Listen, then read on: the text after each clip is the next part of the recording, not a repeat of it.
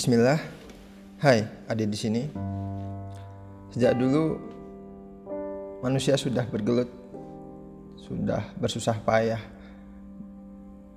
melakukan segala hal, berdiskusi segala macam, melakukan banyak hal untuk satu hal yang disebut kebenaran. Kata kebenaran itu udah menjadi hal yang sakral gitu, dalam society, dalam kehidupan.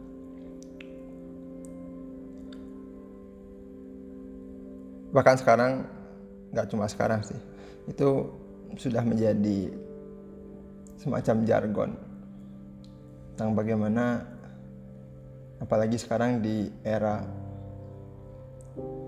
sains dan teknologi yang begitu berkembang begitu cepat kita strive kita benar-benar semakin berjuang terhadap kebenaran tersebut dengan kapabilitas sains yang mulai mulai mulai mengarah pada banyak hal yang mulai bisa mengungkap banyak hal di semesta ini. Tapi sebenarnya meskipun kebenaran itu sendiri suatu hal yang sudah kerap dibicarakan. Tapi mungkin satu pertanyaan dasar yang justru mungkin lebih mis, lebih sulit untuk dijawab adalah apakah sebenarnya manusia memang menginginkan kebenaran? Kalau iya, kenapa kita ingin kebenaran? Kenapa kita ingin kebenaran itu? Apa yang kita harapkan dari kebenaran? Apakah kebenaran itu seperti makanan yang membantu kita untuk untuk terus hidup seperti uang? Saya rasa tidak. Karena pada akhirnya bagaimana manusia itu berhubungan atau menghadapi kebenaran itu sendiri caranya berbeda-beda.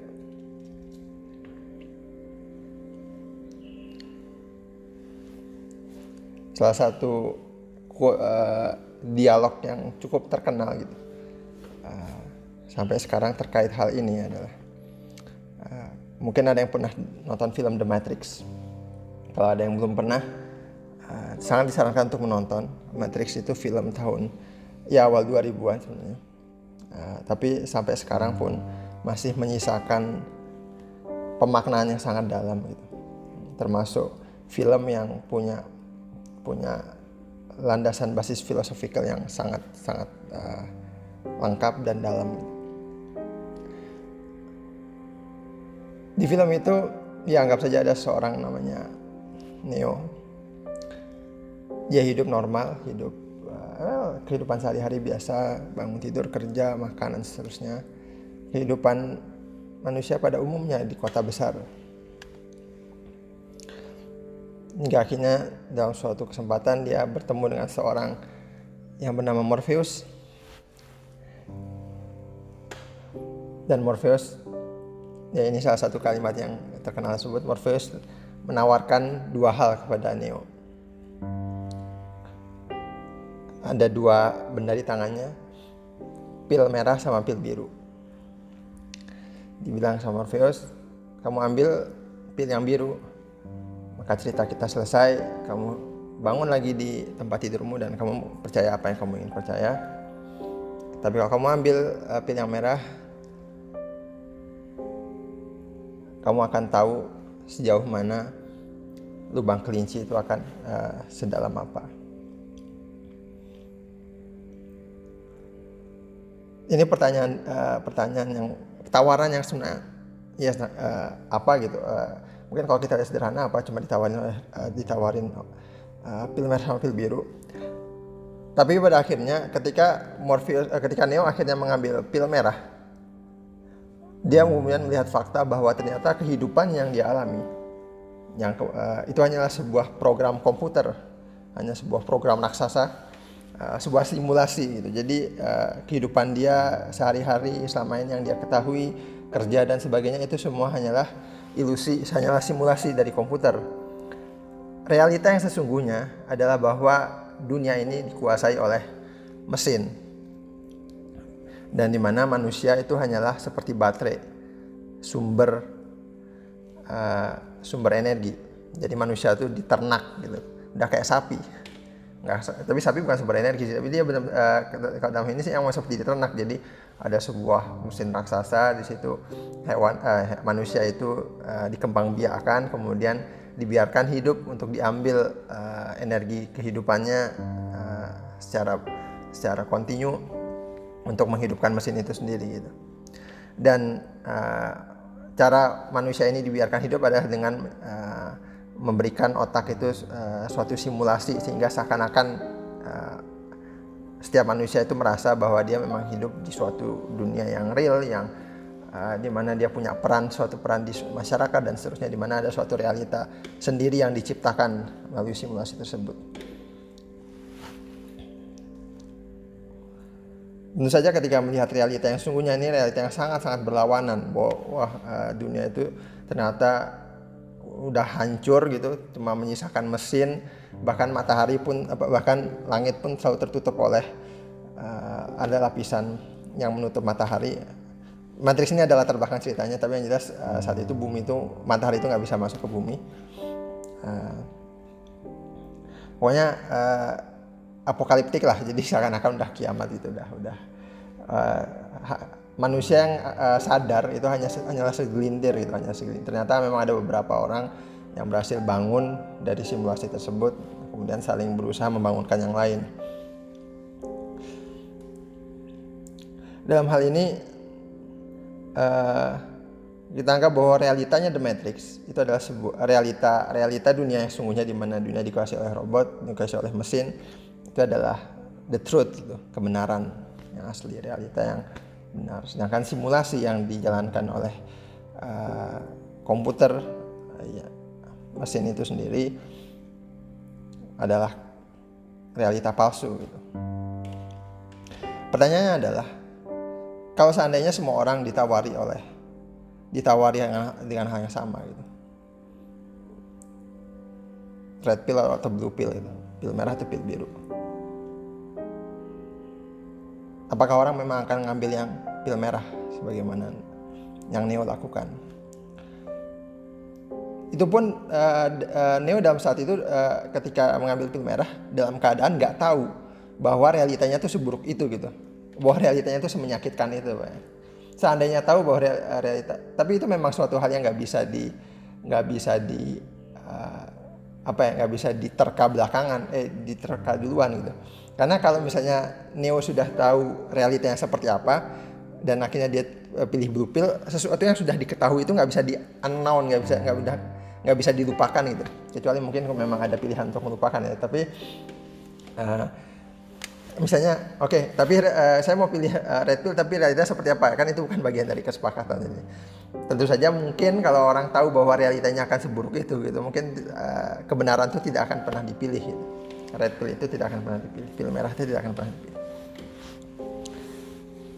tapi ini memang memberi memberi uh, insight menarik terkait uh, bagaimana kita tuh sebenarnya menghandle kebenaran gitu. Bahkan sebenarnya kalau kita lihat film The Matrix sendiri itu Neo itu nggak semudah uh, ketika akhirnya mengambil red pill dan kemudian melihat realitas sungguhnya tuh bahasanya tuh shock gitu. Uh, nggak mau percaya lah bahwa this is the truth gitu. Nah, pada akhirnya memang denial itu tuh suatu respon paling paling dasar manusia. Jadi uh, ketika kita mengetahui sesuatu yang sangat berlawanan dari apa yang kita percaya sebelumnya, maka denial itu adalah suatu hal yang paling dasar kita lakukan. Dan dalam orang menghandle denial ini bisa dua, dua, dua jalan juga gitu. Bisa benar-benar seterusnya deny, akhirnya benar-benar no, this is not uh, I can believe this uh, this is not true dan ya udah itu lupa. Atau ya udah uh, apa keep using it uh, berusaha untuk meng, meng, menghandle akhirnya uh, apa namanya me, uh, apa ya mengatasi denial tersebut akhirnya benar-benar bisa menerima kebenaran. Tapi itu pun bukan suatu hal yang mudah untuk dilakukan karena kebenaran tuh bisa banyak bisa levelnya bisa beda-beda gitu. Ada yang benar-benar kayak tahu bahwa oh ternyata uh, pasangannya sel uh, selama ini selingkuh itu kebenaran yang menyakitkan juga. Oh ternyata bahwa uh, apa misalnya ternyata orang tuanya selama ini itu bukan orang tua bukan darah bukan orang tua sesungguhnya gitu. Atau apa banyak mungkin kalau kita nggak usah lihat di film-film sebenarnya ini juga terjadi di dunia nyata banyak kebenaran-kebenaran yang sebenarnya menyakitkan gitu. Dan uh, tidak semudah itu untuk diterima. Bahkan untuk suatu hal yang sebenarnya terjadi terjadinya tuh bukan tanpa sembunyi-sembunyi gitu. Misalnya tiba-tiba uh, salah satu keluarga kita meninggal gitu. Itu kan sebuah truth yang itu bukan artinya sebelumnya saya nggak tahu dan kemudian tiba-tiba saya tahu nggak. Itu ketika itu terjadi pun kita udah tahu gitu misalnya. Uh, misalnya tiba-tiba di usia yang masih muda orang tua kita sakit kemudian meninggal begitu cepat dan di situ nggak ada kebohongan sama sekali nggak ada penutup, ketutupan apa-apa kita belum tentu bisa accept, accept realitas dengan baik gitu. dan banyak orang itu uh, untuk mengaccept truth itu sendiri menerima kebenaran itu sendiri itu bahkan uh, dalam sampai level uh, tertekan gitu sehingga pada akhirnya itu memberi kita pertanyaan bahwa kenapa kita uh, sering sekali ber, berbicara tentang kebenaran bahwa sebenarnya kita sendiri itu belum tentu ingin kebenaran gitu. Dan kenapa kenapa kebenaran itu digalakan? Kenapa kenapa kita tuh harus tahu kebenaran gitu? Apa uh, apa bedanya hidup dalam fake reality dengan hidup ya dengan true reality itu? What's the difference? kalau pada akhirnya kita di fake reality itu, reality itu akhirnya kemudian meninggal tanpa tahu kebenaran sesungguhnya pun there's no difference at all. Jadi kita tetap bisa hidup, tetap menjalani semuanya, tetap enjoy itu. Nah pada akhirnya itu akan kembali lagi ke, ke pertanyaan, akan akan mundur ke pertanyaan, ya apa sebenarnya dulu yang kita cari dalam hidup gitu. Kalau yang kita cari dalam hidup itu adalah ya kalau uh, paradigma modern sekarang itu kan yang kita dalam hidup apalagi yang uh, udah kebawa utilitarian, hedonis dan seterusnya itu kan ya yang kita cari dalam hidup adalah enjoyment. Uh, bagaimana kita mengafirmasi, menikmati hidup kita semaksimal mungkin gitu selagi masih ada kehidupan itu selagi belum dibawa ke kematian. Ya terus saja pemahaman ini walaupun ini pemahaman dasar ya walaupun kemudian nanti ketika masuk ke isme-isme lainnya itu bentuknya beda-beda ya tapi secara mendasar itu banyak isme-isme tersebut banyak ideologi-ideologi itu berakar pada hal yang sama bahwa uh, hidup Indian adalah suatu konsep, suatu masa, suatu hal yang uh, we need to enjoy gitu. Kita cuma uh, butuh nikmati. Karena begitu banyak misteri dalam hidup uh, struggling dengan itu tuh nggak nggak akan memberi kita apa-apa. Kita hanya butuh untuk menikmati setiap prosesnya kan. Ini suatu hal yang sangat mendasar. Tapi walaupun itu sebenarnya uh, pemahaman yang kalau dipikir ulang itu bisa juga memberi kekosongan juga gitu. itu kita nikmati buat apa? Nah, tapi itu uh, pembicaraan lain, lain hal kemudian bahkan kalau kita lihat The Matrix lagi ada suatu pembicaraan berikutnya ketika Neo akhirnya mengetahui banyak hal terkait The Matrix. Jadi The Matrix itu sebenarnya nama nama dari simulasi komputer tersebut ya. Jadi uh, dunia di mana Neo hidup sebelumnya uh, simulasi tadi simulasi komputer tadi itu namanya The Matrix. The Matrix itu mesin apa simulasi komputer itu. Nah ketika setelah uh, Neo tahu realitas sungguhnya, tahu The Matrix dan seterusnya, ya akhirnya muncul lagi percakapan lain bahwa uh, ya Neo sampai sempat berkata bahwa aku nggak bisa kembali kan ini. Dia uh, masih denial gitu uh, berharap mungkin seakan-akan bisa berharap bisa kembali. Tapi Indian uh, uh, akhirnya ditantang juga sama Morpheus. Kalaupun memang kamu bisa kembali emang kamu mau? Gitu. Uh, dan di sini karena Neo itu diberikan karakter orang yang memang uh, lebih memilih kebenaran gitu. Walaupun kemudian di The Matrix itu ada memang karakter lain yang yang ditunjukkan menolak kebenaran tersebut. Jadi sudah sudah mengambil pil merah tapi kemudian menyesal menyesal sudah mengambil pil merah. Dan itu pun banyak terjadi di, uh, di dunia real di mana kita tuh uh, sudah tahu kebenaran dan akhirnya kita menyesal kenapa kita harus tahu itu gitu. Uh, kenapa apa namanya dan akhirnya memilih untuk uh, I prefer to not knowing it jadi aku lebih memilih untuk tidak tahu hal tersebut gitu karena ignorance itu bliss kalau kalau uh, pepatah umum ya. Uh, ketidaktahuan atau kecuekan itu tuh adalah kebahagiaan gitu. Karena kita semua itu kan hidup seperti seakan-akan dalam suatu uh, bubble. Suatu apa namanya? ya anggap saja bubble atau suatu suatu lingkungan, suatu uh, penja, suatu kerangka, suatu uh, lingkungan yang di mana di situ tuh ada ada narasi yang berkembang di dalamnya dan kemudian kita bertahan pada narasi, narasi tersebut gitu. Walaupun terlepas dari narasi itu benar atau salah, uh, tapi uh, penjara ini atau bubble ini itu tuh melindungi dia dari melindungi setiap orang dari uh, apa pun yang berada di luar itu gitu. Jadi ibarat kayak ada protective force gitu apa ibaratnya uh, bisa dibayangin. Kayak memang memang uh, kita tuh uh, membuat membuat batasan buat membuat boundary sendiri gitu. Di mana ya udah kita cukup mau tahu apa yang ada dalam boundary tersebut saja. Di luar itu saya nggak mau tahu gitu. Uh, karena di luar itu bisa jadi suatu fakta yang suatu suatu realita yang menyakitkan, suatu realita yang uh, bukan nggak nggak selalu menyakitkan sih tapi suatu realita yang mungkin terlalu kompleks atau bagaimanapun yang yang aku lebih baik tidak tahu gitu. Jadi uh, dan dan kita uh, setiap dari kita melakukan itu uh, secara tidak sadar. Walaupun kemudian tentu saja ada faktor-faktor eksternal seperti TV kemudian sosial media yang akhirnya me, me, apa namanya memperkuat bubble itu memperkuat uh, barrier itu gitu jadi kita misalnya kalau kalau nonton TV uh, disuguhi hal yang serupa terus gitu. Jadi uh, pada akhirnya kita menciptakan uh, bubble kebenaran kita sendiri gitu. Walaupun apa yang di, ada yang apa yang dimunculkan dalam TV walaupun itu TV berita pun walaupun itu belum tentu sepenuhnya benar karena berita sendiri kita tahu bahwa media itu uh, punya kecenderungan Eh, media mungkin akan menampilkan realita, tapi realita yang diperlihatkan tidak belum tentu lengkap. Nah, belum tentu uh, karena pasti ada narasi yang ditonjolkan di sana. Apalagi di di era di era informasi sekarang gitu. Kita bisa bebas memilih barrier mana yang kita kita mau ambil dengan apa apalagi dengan apalagi dengan adanya internet ya. Internet itu uh, kalau kalau mungkin pernah dengar apalagi masa-masa pemilu kemarin itu kan ada istilahnya uh, echo, echo chamber gitu. Uh, ruang ruang gema gitu echo, echo chamber.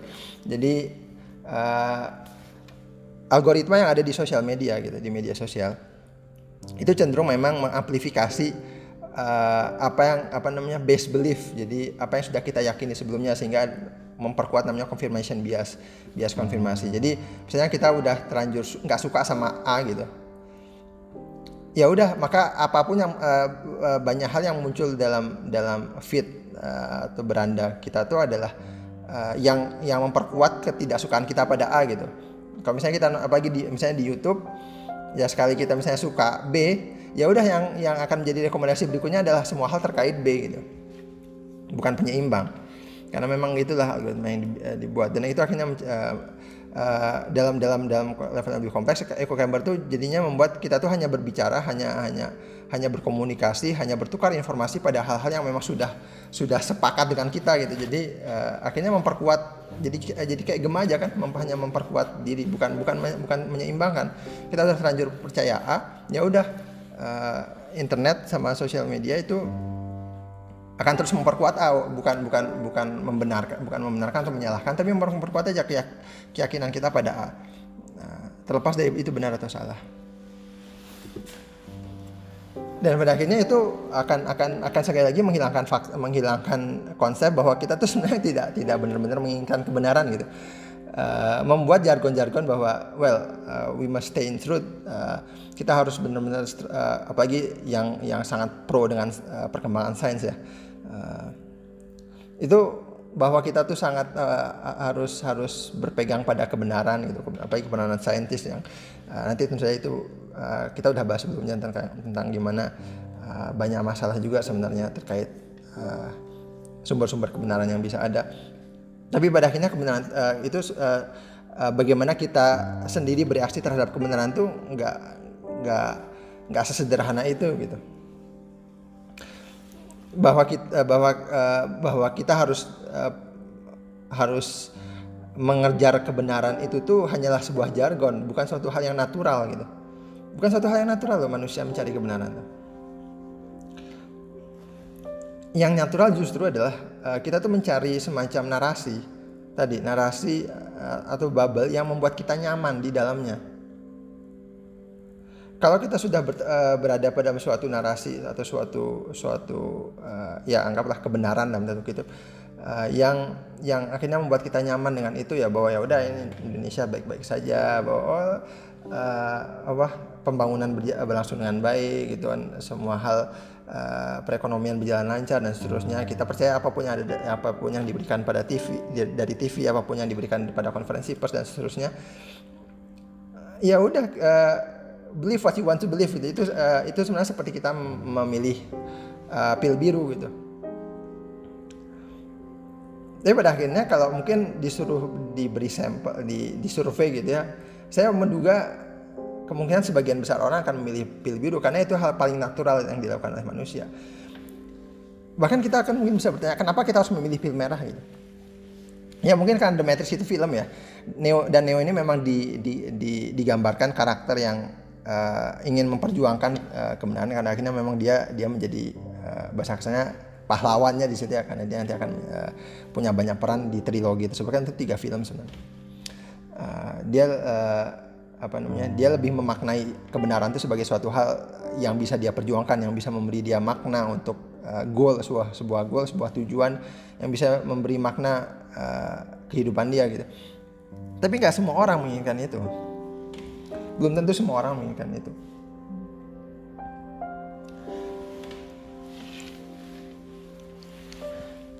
Pada akhirnya memang uh, bisa dikatakan ya hubungan mungkin hubungan manusia dengan dengan kebenaran itu nggak sederhana itu gitu. Uh, dan bagaimana kita bereaksi terhadap kebenaran memang uh, jawabannya pada akhirnya pertanyaan kita di awal sangat bergantung gitu apakah kita menginginkan kebenaran itu jawabannya sangat bergantung. Sangat ber, sangat bergantung kebenarannya sendiri atau juga sangat bergantung pada orangnya gitu. Dan orangnya sendiri bagaimana orang ini bereaksi terhadap kebenaran kan ya juga bagaimana apa yang telah dia kebenaran yang diyakini sebelumnya kan. Kita lihatnya kita bisa lihat itu kalau dari segi psikologi itu uh, bagaimana itu mix and match aja. Apakah itu berkonflik atau itu match jadi kalau misalnya kebenaran yang di di akan didapatkan itu tuh berlawan uh, apa ya jauh atau berlawanan atau bahkan uh, ya berkonflik gitu. Berbeda dari apa yang dia yakini sebelumnya. Bukan berbedanya itu bahkan kadang-kadang uh, bisa bisa benar-benar sangat-sangat jauh uh, uh, ber, uh, apa ya sangat-sangat uh, bahasa kasarnya itu bahkan menyerang uh, bahkan benar menjatuhkan apa yang dia pernah yakini sebelumnya maka itu akan akan menghasilkan denial yang sangat-sangat besar gitu kita uh, uh, semua orang pasti nggak akan uh, secara natural kita akan menolak kebenaran tersebut. Kita akan menolak suatu hal yang sangat-sangat uh, berlawanan pada apa yang kita yakini sebelumnya. Dan ini selalu terjadi uh, kalau kita lihat sepanjang sejarah. Bagaimana masyarakat itu kalau udah meyakini sesuatu maka akan denial terhadap sesuatu yang baru yang lain walaupun denial ini saja tadi ada ada dua dua proses lebih lanjutnya.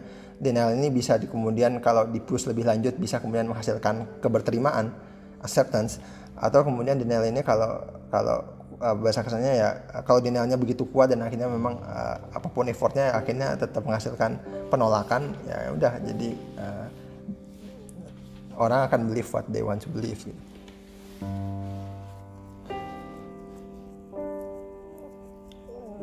beberapa uh, dan bagaimana kita bagaimana orang menghandle denial tersebut kan ada yang benar-benar uh, sembunyi gitu sembunyi uh, sembunyi dari kebenaran tersebut menganggap kebenaran itu belum ada walaupun dia udah ketahui sebelumnya ya.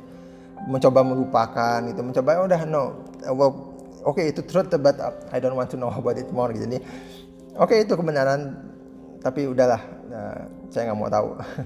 Atau dia tahu tapi ya udah dia nggak ucapin pokoknya no, uh, ya udah uh, saya mau hidup kayak gini aja gitu. But it happens uh, kalau kalau kita lihat.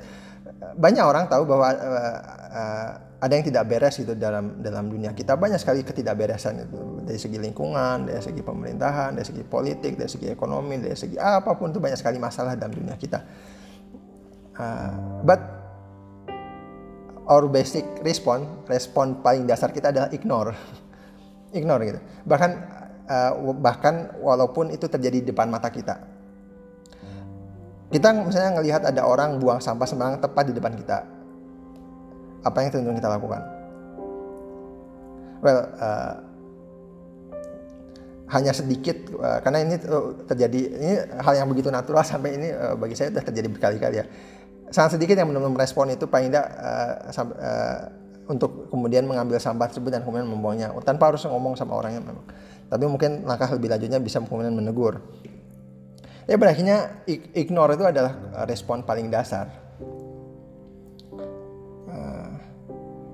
Banyak masalah-masalah uh, yang kemudian well we prefer to ignore atau kemudian menempatkan blame atau Akhirnya kita menciptakan justifikasi, banyak sekali kita menciptakan rasionalisasi dan justifikasi dalam kepala kita untuk membenarkan tadi bubble kebenaran narasi yang kita punya. Jadi uh, ignore kita itu uh, kita ignore itu bukan benar-benar melupakan, kita kita kita counter itu dengan dengan realita lain, dengan narasi lain. Ya misalnya ya udah uh, apa namanya? Uh, ada orang buang sampah sembarangan di pinggir jalan. Terus kemudian kita kita ciptakan aja uh, narasi. Nah, itu kan paling nanti ada tukang sampah yang uh, ada tukang bersih bersih kota yang ambil gitu. Atau misalnya itu paling cuma cuma sampah kecil. Kita akan terus menciptakan justifikasi. Kalau memang kita uh, kita kalau memang kita uh, lebih memilih untuk ignore. Jadi ignore itu banyak bentuknya. Memang ignore itu bukan benar-benar cuek gitu enggak. Ignore itu uh, justru uh, termanifestasi dalam bentuk penciptaan narasi baru, penciptaan uh, apa ya counter gitu, penciptaan uh, bubble bubble uh, bubble kebenaran baru atau mungkin bukan menciptakan ya, mungkin kita uh, kita sudah punya sebelumnya atau kita menciptakan justifikasi terhadap uh, yang bisa mengcounter uh, kebenaran yang kita tolak tadi, yang kita ignore tadi.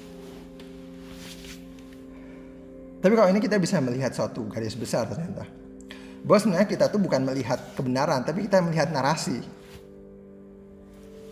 Karena Indian maupun realita uh, mau mau yang benar, mau yang palsu gitu, mau truth, mau fake, itu semua adalah uh, semua ter, uh, apa ya termanifestasi termanifestasi dalam bentuk narasi, dalam bentuk cerita, dalam bentuk uh, ya uh, kisah-kisah yang atau uh, mitos lah kalau bahasa yang lebih uh, apa namanya keras.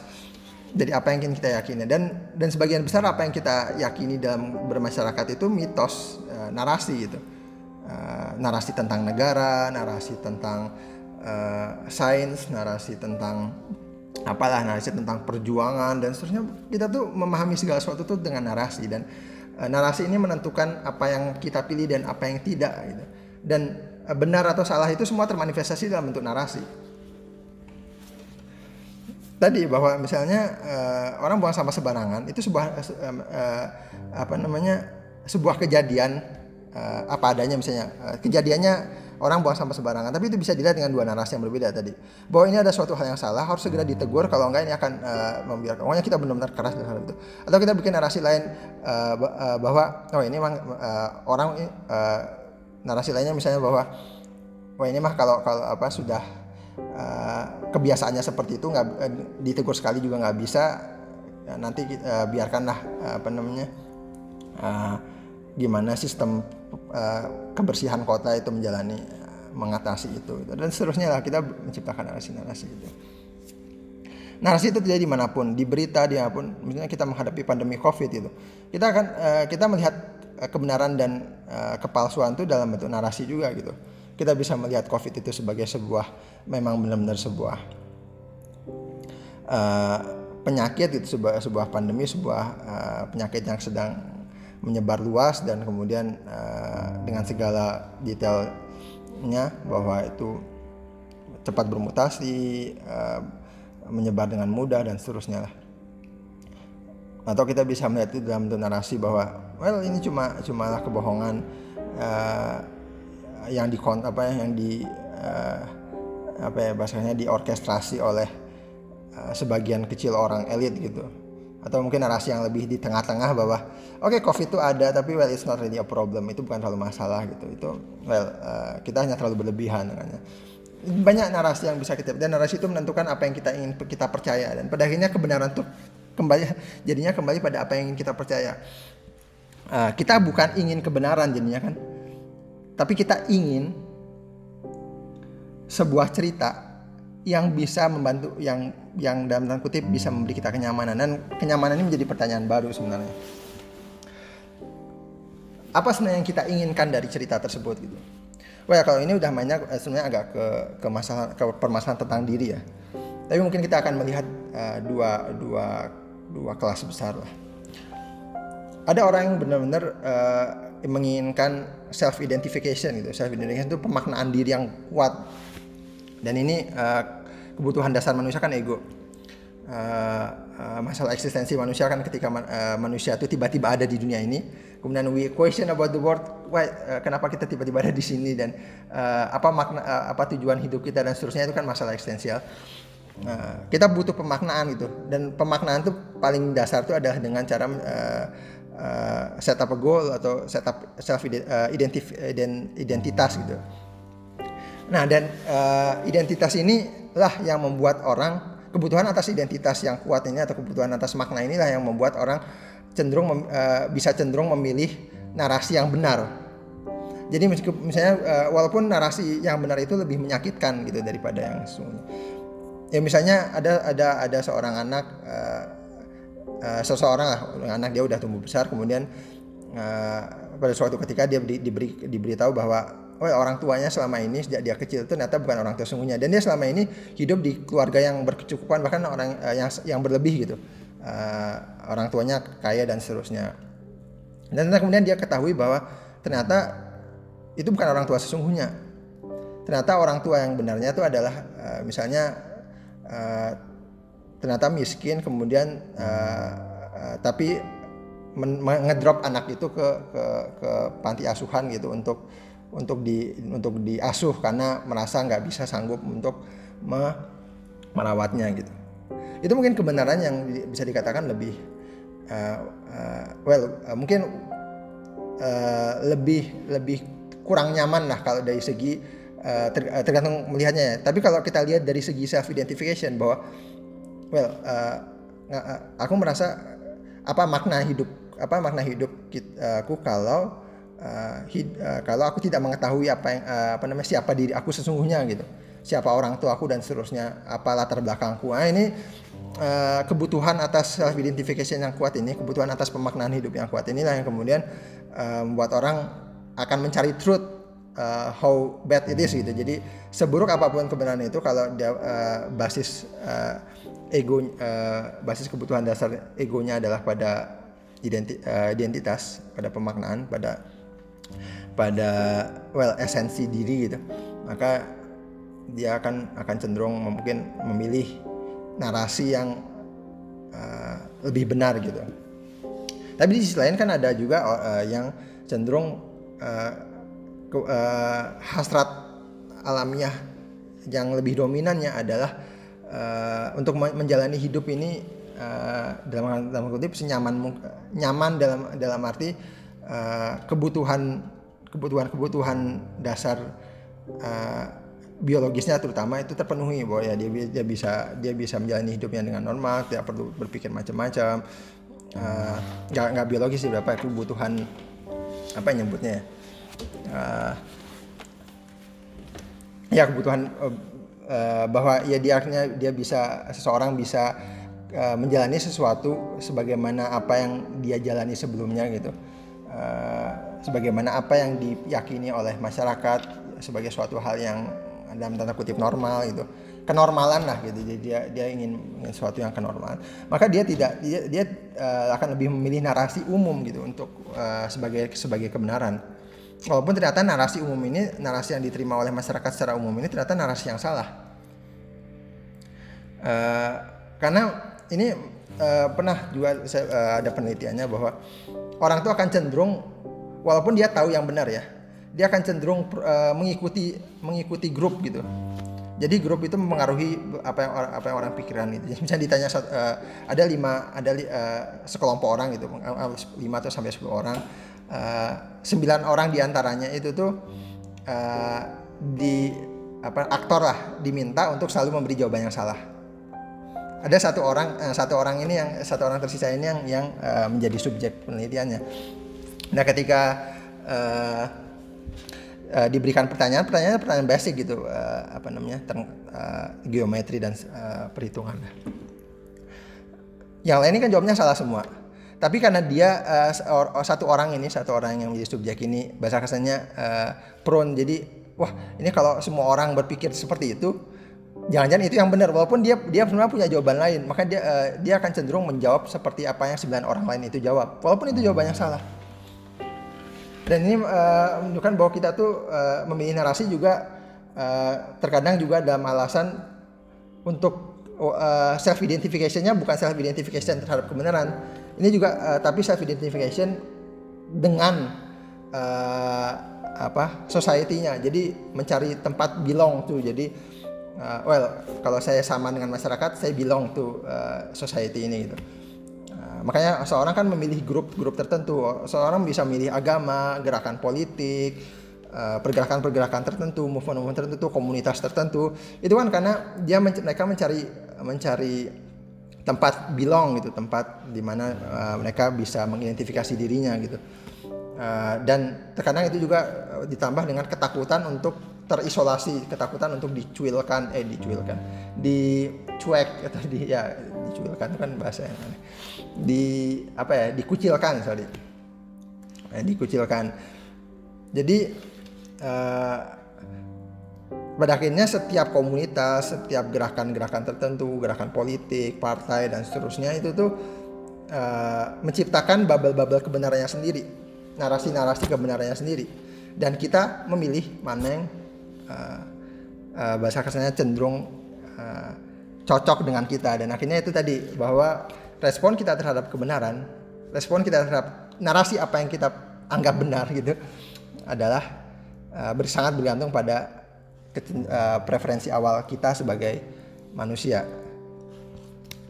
Karena pada akhirnya yang yang dicari oleh uh, manusia itu bukan kebenaran, tapi hanyalah cerita atau narasi yang di mana di dalam narasi tersebut kita bisa identifikasi uh, makna, berbagi makna, punya sense uh, terhadap makna itu sendiri dan kemudian kita bisa di situ uh, apa ya uh, mem mem memosisikan diri lah, punya posisi, punya peran dan seterusnya yang bisa kemudian mengukuhkan eksistensi kita uh, dalam kehidupan.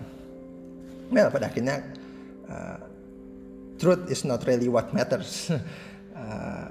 Orang-orang uh, banyak berbicara tentang kebenaran, but in mungkin kebenaran itu hanyalah jargon.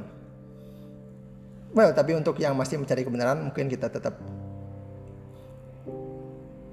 punya masalah juga bahwa oke kalau kebenaran itu memang sangat bergantung pada narasi uh, apakah ada narasi tunggal? Gimana cara kita kemudian mencari uh, suatu hal yang benar-benar benar gitu? Kalau memang kita lihat Matrix kan ya kebetulan aja ada seorang Morpheus yang bisa menunjukkan uh, menunjukkan apa yang benar.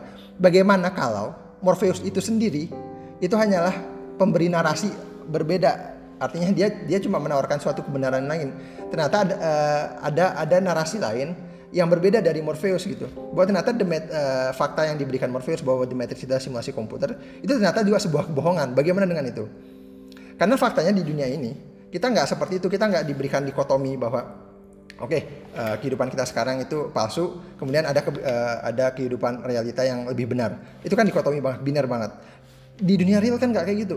Kita hidup itu kan dengan banyak sekali bubble-bubble narasi-narasi kebenaran. Si A nawarin apa, si B nawarin apa, agama ini nggak nawarin apa, agama ini nawarin apa, partai ini nawarin apa, partai ini nawarin apa, semua menawarkan narasi, semua menawarkan kebenaran. But how do we know which one is true kalau uh, pilihannya sebegitu banyak gitu? Well, ada banyak metode yang diciptakan tapi tetap aja uh, masing-masing uh, punya masalah kita akan coba lihat itu uh, lebih lanjut di episode berikutnya. Untuk saat ini uh, sekian dulu, semoga bermanfaat. Dadah.